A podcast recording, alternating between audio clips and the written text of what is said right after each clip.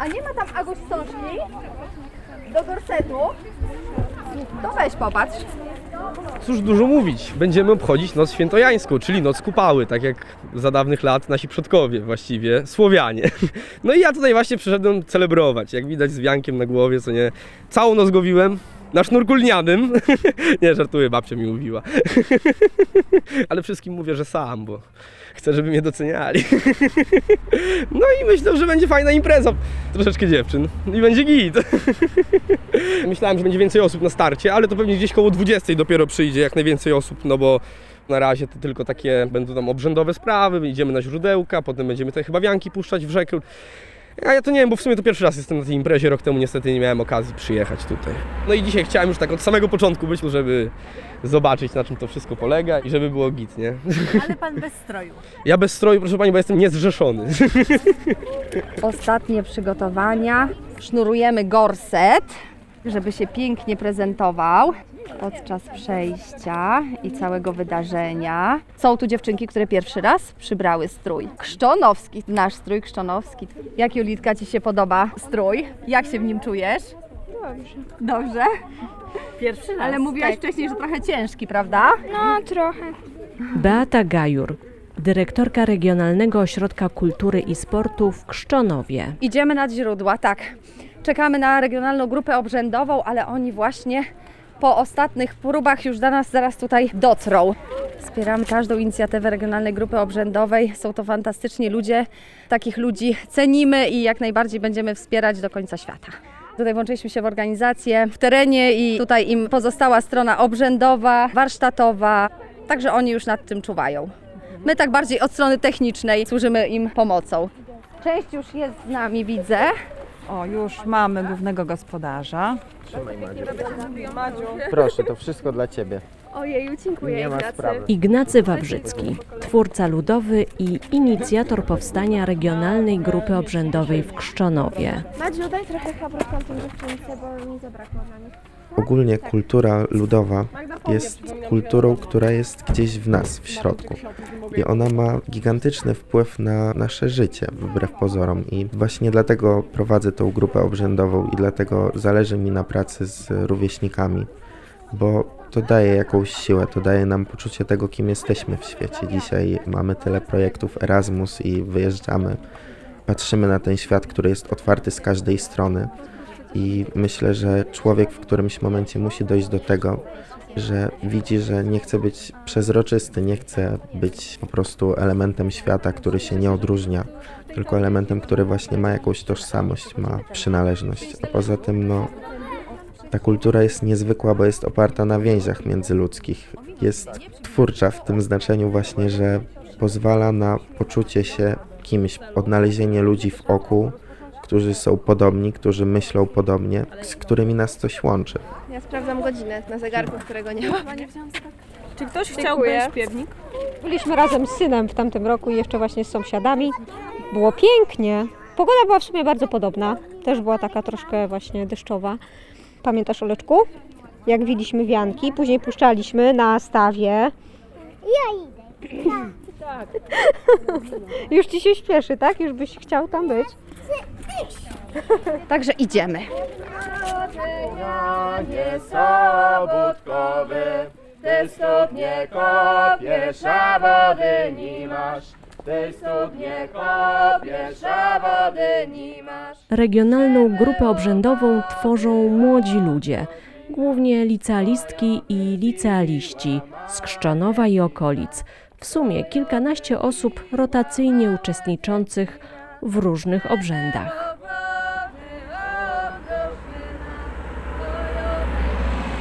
Agnieszka Szokaluk-Gorczyca została zaproszona przez młodzież do Krzczonowa na Noc Świętojańską, by poprowadzić warsztaty śpiewu tradycyjnego. Z mojej perspektywy jest to bardzo ciekawe, że tak młodzi ludzie, bo to są bardzo młodzi ludzie, będąc jeszcze w liceum, czyli nie, jeszcze nie na studiach, młodzież, która jeszcze nie wyszła z domu, można powiedzieć, mieszka w domu ze swoimi rodzicami, rodzinami, młodzież, która jest jeszcze zakorzeniona w tym środowisku lokalnym dla społeczności lokalnej. Z mojej perspektywy, jak jeżdżę na Lubelszczyźnie i widzę w różnych miejscach młodych ludzi, to raczej nie interesują się tym, a wręcz przeciwnie, wydaje mi się to śmieszne i żenujące, czyli te tradycje ludowe. Tutaj zupełnie mamy inne podejście. Być może jest to związane z tym, że Krzczonów miał jednak takie silne tradycje, z których można być dumnym i te tradycje, jak widać, są kontynuowane.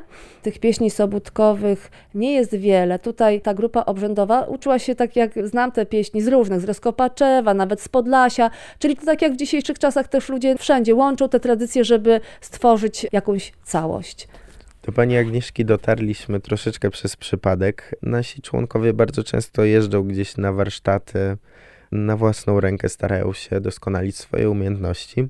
W ten sposób się poznaliśmy. No i myślę, że z opowieści, a szczególnie w ogóle podczas takich warsztatów, które odbywają się w mieście, kiedy mówi się właśnie, że mamy takie miejsca, że siedzimy gdzieś w pięknej okolicy, pośród drzew, kwiatów, to robi wrażenie i zawsze przyciąga do nas. Zresztą jest naturalnym otoczeniem dla tego wszystkiego. Hej, dzisiaj tego Jana, oj my bydło goniemy. Oj to nas obydło ładnie omajemy. Oj to nas obydło ładnie omajemy. Hej, będziemy widzianki, oj zielonej brzeziny. Oj, żeby nam się krowy, oj cielęta nie ksiły. Oj, żeby nam się krowy, oj cielęta nie ksiły. Hej, idzie bydło z pola, ładnie umajone. Oj, tak wyglądają, jak królowe w koronie. Przekazów archiwalnych trochę jest, bo jednak pisał o tym Kolberg przede wszystkim w XIX wieku czy w XX wieku, nawet jeszcze pod koniec XX wieku Adamowski pisał o Sobótce, natomiast jest to obrzęd już stary, nieaktualny i to już nieaktualny, że tak powiem, w takiej tradycji obrzędowej od początku XX wieku, ponieważ takie śpiewaczki znane mi z nagrań archiwalnych, urodzone w 1886 roku czy na początku XX wieku, raczej pamiętają to jako ze swojej bardzo wczesnej młodości, jako dziewczynki jeszcze chodziły i pomagały. Natomiast później to jeszcze było odtwarzane przez szkołę, ale nie już jako obrzęd żywy, tylko jako taka bardziej inscenizacja. Dlatego tak trudno w takim żywym kontakcie z człowiekiem pozyskać ten materiał, nagrać te pieśni, porozmawiać z kimś o sobotce, bo nikt w dzisiejszym świecie już o tym nie pamięta tego ze swojego życia. Natomiast no, są te zapisy archiwalne, z których korzystają ci, którzy się inspirują i chcą odtwarzać, inscenizować ten obrzęd. To jest przesilenie, przesilenie letnie, czyli jest to najkrótsza noc w roku i najdłuższy dzień. To akurat, że to jest w tym czasie, było oczywiście związane z pogańskimi jeszcze czasami, świętowaniem tego, że słońce jak na nowo się odradza, co w czasach chrześcijańskich zostało połączone z dniem świętego Jana Chrzciciela, który ochrzcił Chrystusa. Powiązano to, no wiadomo, chciano to pogańskie znaczenie, żeby nie było tak ważne, a bardziej chrześcijańskie nadać znaczenie tym starym zwyczajom i obrzędom. Takie cele jak cele kultowe, czyli świętowanie żywiołów, przyrody, wody i ognia, te cele pierwotne czy magiczno-agrarne, jak rozpalanie ognia w celu zapobieżenia pożarom, przyczynienia się do urodzaju, czy te skoki przez ogień w celu zapewnienia urodzaju, skoki chłopców przez ogień, to były cele, które później przeniosły się w taką stronę zalotno-miłosną. No, chłopcy skakali przez ogień, no bo chcieli pokazać, jak są sprawni czy silni i żeby zauważyła ich ta ich wybranka. I tak samo to wicie wianków, tańce, szukanie kwiatu paproci, wszystko to miało raczej cel zalotny. Z pewnością te cele matrymonialne trochę są na dalszym planie. Też kiedyś to trochę inaczej wyglądało, bo świat dziewcząt i świat kawalerów był od siebie bardzo odległy i raczej nie było dużo okazji w ciągu roku, w których można było porozmawiać między sobą i spędzić czas we dwoje w jakikolwiek sposób. Raczej to było niepożądane w obrzędowościach, więc raczej wspólnota wiejska bardzo mocno pilnowała tej sfery. Jeszcze w XIX wieku na pewno to było jeszcze bardziej widoczne. No i w tym momencie mamy tą Noc Świętojańską, która jest takim właśnie momentem tego przesilenia takiej radości, te wszystkie siły witalne osiągają swoje apogeum, a właśnie co za tym idzie również zawsze stała jakoś ta sfera seksualna w XIX wieku. Ona zaczęła potem zanikać też ze sprawą kościoła i trochę świadomość chłopów, przynależność właśnie do kultury europejskiej, w której raczej opisy nocy świętojańskich, w których ktoś się rozbiera i nago biega się dookoła ogniska, raczej budziłyby oburzenie i nie mogłyby mieć miejsca już w miastach, no to jeszcze w tym XIX wieku na wsi jednak takie rzeczy się zdarzały. Zresztą, no, jako właśnie moment kojarzenia par, było to nawet bardzo pożądane, bo to był bardzo dobry okres do tego. O ile w maju zawsze unikano tych wesel, bardzo dużo przysłów ludowych powstało na ten temat, że w maju właśnie nie należy urządzać wesel, że to nie jest miesiąc odpowiedni do tego. No to już za chwilę będą żniwa, a po żniwach nic lepszego się na wsi stać nie może niż wesele.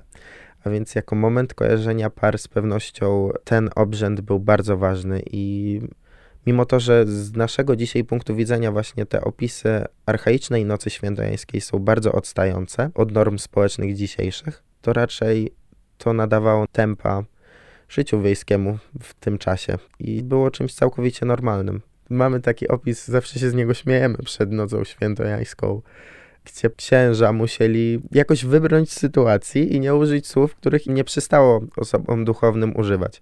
A więc jest gdzieś tam taki opis, że młodzież lubieżnie trzymała się za ręce i tańczyła dookoła ogniska.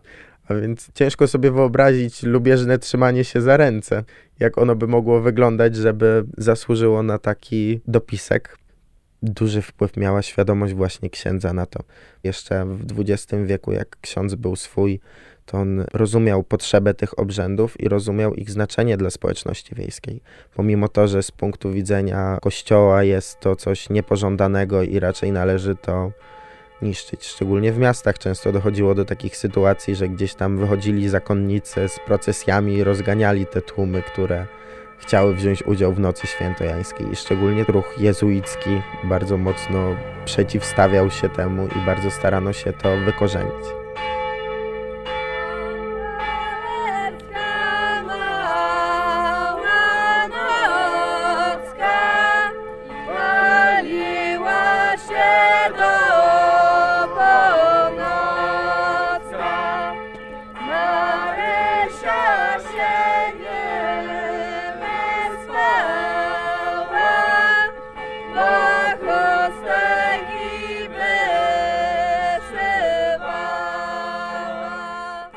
Wpływ na zmianę w Nocy Świętojańskiej miały też zwyczaje majówkowe, które weszły do nas w pierwszej połowie XIX wieku, a więc też stosunkowo późno, i były troszeczkę przekształceniem potrzeby społeczności wiejskiej na wychodzenie do siebie i na rozmowę ze sobą. Bo jeszcze. Czyli spotkania majówkowe przy kapliczkach? Tak. No ogólnie właśnie majówki są dosyć nowym zwyczajem, no bo to jednak XIX wiek to nie jest dawno w przeszłość ale raczej przed tym występował obrzęd na świętego Jerzego i świętego Wojciecha pod koniec kwietnia, który można by było powiedzieć właśnie rozpoczynał to życie w społeczności wiejskiej i właśnie zapraszał ludzi do wychodzenia. Gospodarz wynosił ze sobą chleb, obchodził zasiane pole i bardzo często właśnie w dzień świętego Wojciecha siadano w polu razem z sąsiadami, czasami całymi wsiami i wspólnie biesiadowano. I to była taka pierwsza impreza, która odbywała się na wolnym powietrzu. I bardzo ważne były w tym właśnie również pieśni, które miały przynieść obfitość, miały przynieść plony. Bardzo często to były właśnie takie konopielki, czyli pieśni, które miały wydźwięk życzący. I zakończeniem tego okresu jest właśnie Noc Świętojańska, kiedy dochodzimy już do tego absolutnego apogeum i też następne miesiące nie będą dawały bardzo dużo możliwości do tego, żebyśmy mogli gdzieś razem siąść i spędzić czas ze sobą, bo będzie bardzo dużo pracy do żniw. Też to był moment, w którym pierwszy raz wypuszczano bydło na pole. W zależności od wsi, u nas raczej robiło się to na świętego Mikołaja, tak zwany ciepły Mikołaj, czyli 9 maja u mnie na wsi stała barokowa kaplica świętego Mikołaja.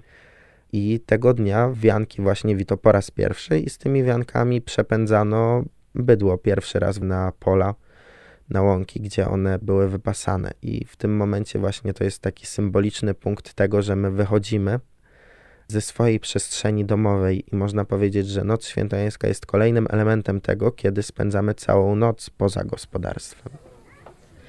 Ten dzień był zawsze dniem młodzieży. To oni wysuwali się na plan życia wsi. Tego dnia starszyzna przymykała oko na zaloty i młodzieńcze igraszki.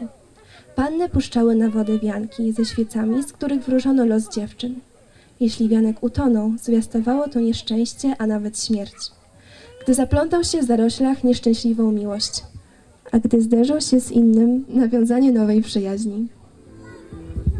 Teraz zapraszamy Państwa pod ognisko sobótkowe na obrzęd. Julka, idźże, to tobie pomoże widzionki. Już, że pomożyta, pomożyta, już ja was znam.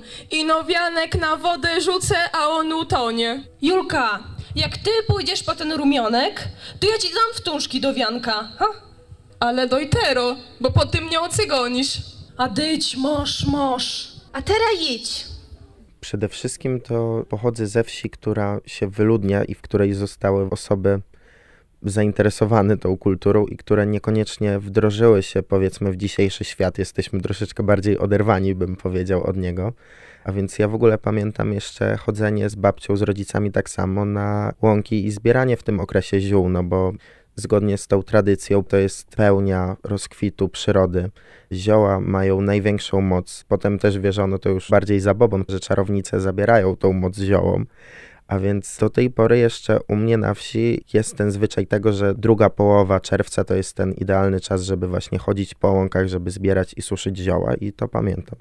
Trochę odeszliśmy od tego w związku z tym, że Krzczonów jest osadą i ciężko o takie łąki, ale ja pamiętam jeszcze 5-6 lat temu, jak moja mama suszyła zioła. Mnie zawsze interesowały te zioła w bukietach obrzędowych, właśnie w wiankach, do czego one służyły i bardziej rozbudzało naszą wyobraźnię z pewnością opowieści i legendy przypisywane tym ziołom i ich znaczenie magiczne niż prawdziwe ich właściwości zdrowotne. Moim ulubionym ziołem zdecydowanie jest bluszczyk kurtybanek, który nie ma jakoś szczególnie może znaczenia magicznego, ale pochodzę ze wsi, w której mieszkał Jan III Sobieski i w której spędzał miesiąc miodowy z Marysieńką. Zachowały się przekazy o tym, że tańczył tam pod strzechami. Wieś została utworzona z żon poległych rycerzy i żołnierzy, którzy walczyli z Sobieskim. Została założona dla nich wieś Bazar, właśnie z której moja rodzina pochodzi. Król i następne pokolenia dziedziców otaczały tą wieś swoimi względami. Ci ludzie byli zwolnieni od wielu podatków i zobowiązań wobec dworu w związku z tym. I zachowała się taka właśnie taki przekaz o tym, że król Jan III Sobieski ten bluszcz kurdybanek zaparzał i dawał swoim rycerzom na wzmocnienie pod Wiedniem. To dosyć abstrakcyjna historia, ale zachowała się i pamiętam, że na mnie jako na dziecku bardzo duże wrażenie robiło i bardzo często sięgałem po to zioło, bo ta historia no głęboko jakoś w nas była i pobudzała naszą wyobraźnię o tym, że to zioło miało nadawać takiego męstwa, odporności i wytrwałości. Makła Justyna, tak, jestem z koła gospodyń wiejskich z Kosarzewa Stróży. Kiedyś dziewczęta wiły wianki ze świeżych ziół i kwiatów i puszczały te wianki na wodę. Jeżeli te wianki wyłowił kawaler, wróżyło to szybkie za mąż pójść. Jeżeli zatonął, no niestety nie miała takiej okazji. Proszę kochanie, spójrz odpowiedni na twoją główkę. Zobacz. Pięknie wyglądasz.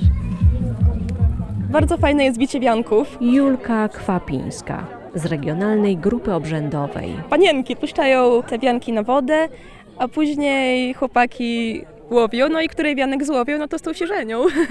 w ogóle ja dzisiaj ułowiłam swój pierwszy wianek. Mam go właśnie na głowie. On jest trochę masywny i wbija mi się kolec z róży, ale daje radę. No i mam nadzieję, że popłynie, ale on trochę ciężki, więc może być różnie. Może jeszcze uwije jakiś jeszcze jeden, mniejszy. Tutaj też zawsze jest ta praca z wiankami podczas tego wydarzenia, żeby ludzie wiedzieli o tym, co trzeba do nich dodawać, bo to wygląda tak, że pierwsze wianki, które powstają w przeważającej większości składają się tylko z kwiatów. Potem dopiero jak tych kwiatów zaczyna być mniej i zostają mniejsze kwiatki, to gdzieś tam zaczyna być widać zioła. A każdy z nich miało swoje znaczenie. Ziół do wianków świętojańskich zawsze było siedem. One były w różnej kombinacji, no bo komponowano je, jak chciano sobie ułożyć tą swoją ścieżkę i drogę miłosną bo te zioła i ich kompozycje różniły się między sobą do tych wianków. Taką podstawą do nich zawsze musiał być kwiat czarnego bzu, bylica i ruta.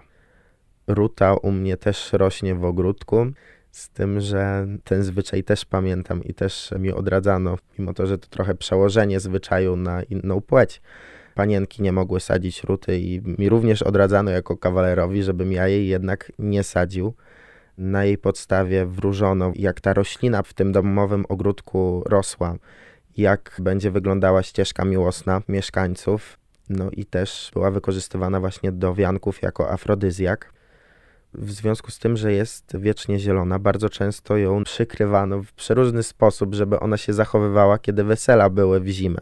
Również była wykorzystywana wtedy w obrzędach właśnie do wianków, a więc panny dbały o to, żeby ta ruta nigdy nie przemarzła. Bylica, czyli Boże Drzewko, bardziej popularna nazwa na wsi. Nie chciała się nam kilka razy przyjąć, a więc zawsze jadę do babci w tej sprawie. Bylica ma znaczenie ochronne jeszcze bardziej niż ruta, przez to właśnie, że nie jest powiązana z seksualnością człowieka, jest bardziej czysta, jest bardziej pomocna człowiekowi. No i nią przepasano się podczas nocy świętojańskiej właśnie w celach ochronnych i rzucano również jej gałęzie do ogniska sobótkowego, żeby zapobiec złym duchom i czarom. Bardzo mi też zapadło w pamięć opowieści o czarnym bzie, o tym, że w jego konarach kryje się diabeł albo złe moce. U mnie na wsi i wszyscy to powszechnie wiedzą, że czarnego bzu nie można przycinać, nie wolno go niszczyć, nie wolno go łamać, żeby nie ściągnąć na siebie gniewu mocy z zaświatów. Też krążyły o tym historie, że ktoś tam jak właśnie łamał ten czarny bez albo próbował go wyrywać, to ręka mu uschła albo mu odpadła ta ręka. Ona... Kwiaty zrywać można? Kwiaty zrywać można. Zresztą wykorzystywane są właśnie do wianków, a więc to jedna z takich roślin, które zdecydowanie bardzo są mocno naładowane tą sferą magiczną i obrzędową w naszej kulturze i w mojej okolicy jakoś szczególnie. To wszystko właśnie dlatego się znosi. Mam Boże drzewko i mamy czarny bez. Zawsze szukano takiego złotego środka w tym wszystkim, że te siły, żadna z nich nie mogła dominować. Zapraszamy teraz Państwa do altany na warsztaty z panią Agnieszką Szokaluk ze śpiewu tradycyjnego. No i do szukania kwiatu paproci. Robimy coś takiego. Eee, tam. Tak od niechcenia. I teraz wy. Eee. Super. Wszyscy robią dobrze, oczywiście razem brzmi dobrze, czyli jest dobrze. Jak tam? I teraz wy. Jak tam? Interesuję się muzyką tradycyjną już od 20 lat. Współpracuję ze śpiewaczkami. Jestem i byłam uczennicą wiejskich mistrzyń, między innymi pani Zofii Sulikowskiej. I śpiewam te pieśni, także żeby je śpiewać, pytam się, nagrywam. A jak śpiewacie to wyniesła? Bo tutaj inaczej śpiewam, bo się z nagrania nauczyłam. Świętego Jana, raniejko, raniejko. Oho, ja wiem jak śpiewam. Tą piosenkę moja prababcia potrafiła. Aha, no to- I, aha. ja mam jakieś przebłyski, ale one tam piąte Aha, przez aha. dziesiąte. Ten, na przemian z nagraniem. dziewczyna. Bo ja to z nagrania śpiewam, dlatego myślałam, że tutaj inaczej za- zaśpiewałeś i dlatego byłam ciekawa. Nie, to mogłam ja się wybrać. W czasie tych warsztatów uczyłam też pieśni pochodzących z Piotrkowa, czyli z okolic Szczonowa, które pieśni ta młodzież z grupy obrzędowej znała, ale w warsztatach uczestniczyły nie tylko osoby z grupy obrzędowej, natomiast tak jak choćby Ignacy powiedział, że to babcia inaczej trochę śpiewała niż było na nagraniu, czyli to jednak w jakiś sposób, mimo że te tradycje już dawno odeszły, to jednak w domach te pieśni były śpiewane i ta młodzież mogła je poznać jeszcze z domów, co też jest bardzo istotne, bo ten przekaz był żywy i jest żywy, jest to przekaz z ich własnych domów. Jedną mamy zapalniczkę, ale jeszcze jedna by się nam przydała na drugą łódkę. Teraz będziemy puszczać wianki. To jest taki stojak, żeby te wianki pływały nam. Ale widzę, że ktoś z grupy obrzędowej wsiada do łódki. Tak, tak, to grupa obrzędowa będzie puszczała te wianki na stawie. W tej chwili zapalanie świeczek na wiankach i zobaczymy, czy popłyną. Tam już płyną.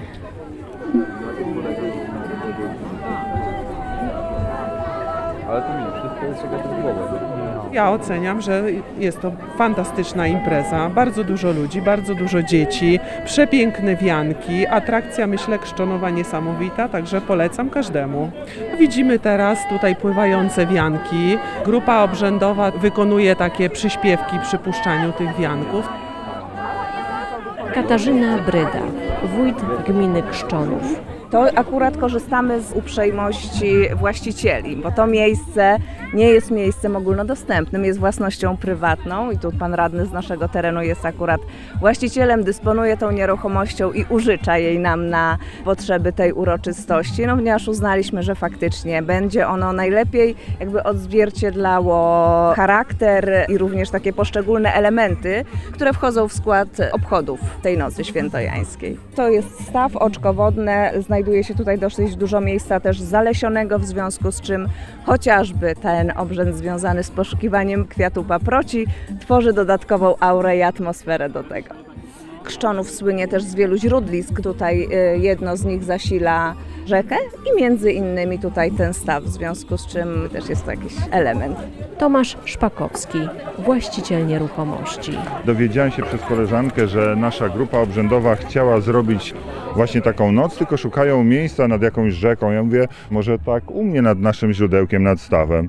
No przyjechali i zobaczyli i powiedzieli, że nie wyobrażają sobie, żeby to tu nie było. No i tak stała się to impreza cykliczna. Trochę pracy jest, ale że tak powiem, jak się spojrzy na to wszystko, to jest satysfakcja. Czujemy, że warto było.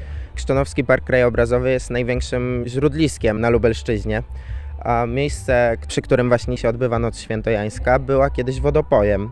I bardzo dużo mieszkańców pamięta, że chodziło się tutaj, były tutaj zabawy. No i mamy też potwierdzenia, że były tutaj noce świętojańskie według najstarszych mieszkańców. Sobótka na pewno w tym miejscu była palona. No i też to miejsce jest niezwykle urokliwe, bo z tyłu ciągnie się wąwóz, który jest dosyć długi. To jest bardzo ciekawa okolica z tego powodu, że w Krzczonowie rodziny się osadzały wokół siebie i było tutaj kilka domów jednego nazwiska pod rząd. I tutaj mamy takie centrum rodziny Szpakowskich, z którym właśnie pani rozmawiała, z panem Szpakowskim. A więc tutaj po sąsiedzku jest dalej kolejna chałupa, która już jest w bardzo słabym stanie, która była właśnie taka wielka, czteroizbowa, więc to naprawdę była porządna chałupa na wsi. Po wojnie jeszcze robiono tam stację. Cztery rodziny mieszkały w takim domu, bo był tak duży na tamte warunki. A to gospodarstwo jest z około 1910 roku, a Spichlesz już w latach 90. był na pewno jednym z piękniejszych budynków w Krzczonowie, bo możemy go zobaczyć na stronie Lubelskiego Konserwatora Zabytków. W tym gospodarstwie rodzina była bardzo aktywna. Zresztą kiedyś w Krzczonowie bardzo prężnie działało się w różnych stowarzyszeniach. Chałupa jest, pomimo swojego stanu, my ją bardzo dogłębnie zbadaliśmy oczywiście, co w środku jest i kto tam mieszkał, korespondencję i tak dalej. Znaleźliśmy fartuszek krzczonowski właśnie z początku XX wieku i do tego znaleźliśmy zdjęcie, które jest dla nas też bardzo cenne z tego powodu, że w Krzczonowie powstał pierwszy w ogóle na Lubelszczyźnie Związek Młodzieży Wiejskiej. Potem po wojnie nie chciano się związywać z partią, no wiadomo jakie były czasy. Postanowiono zmienić nazwę i zaczęto działać jako grupa obrzędowa. I właśnie znaleźliśmy w tej chałupie zdjęcie, które było co prawda już publikowane dawniej, ale w odbitce, która była zjedzona trochę przez myszę. W ogóle nie było widać połowy. Mamy to zdjęcie u siebie, no i jest to grupa obrzędowa, skrzczonowa, przedwojenna właśnie, z takimi fartuszkami, stąd mamy pewność, że gospodyni na pewno była w grupie.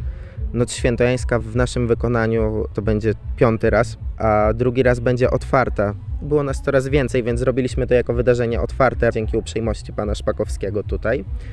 I myślę, że to jest dla nas bardzo ważne z tego powodu, że jest to święto, w którym prem wiedzie młodzież. Taka jest idea Nocy Świętojańskiej w końcu, że to młodzież organizuje Noc Świętojańską dla siebie i zaprasza społeczność do siebie. To jest dla nas bardzo motywujące, że taki obrzęd był i że nie jesteśmy jako młodzież wykluczeni z tej społeczności, gdzie bardzo często właśnie jesteśmy marginalizowani, że jesteśmy młodzi, że nie wiemy co i nie wiemy jak. Takie święto było zawsze młodzieżowe i w tym momencie również młodzież je organizuje. To ja chyba bym też podziękowała. Tak? Chyba, że jeszcze chcecie coś zaśpiewać raz. Ja bym to jeszcze wyszła na wzgóreczek. Dobra. Bo mnie to z kolei ominęło. Mnie też. Ustalmy, czy jeszcze ma jakieś zaległości. Wyszłam na wzgóreczek i tam wyglądałam, czy nie jedzie Jasio, którego kochałam.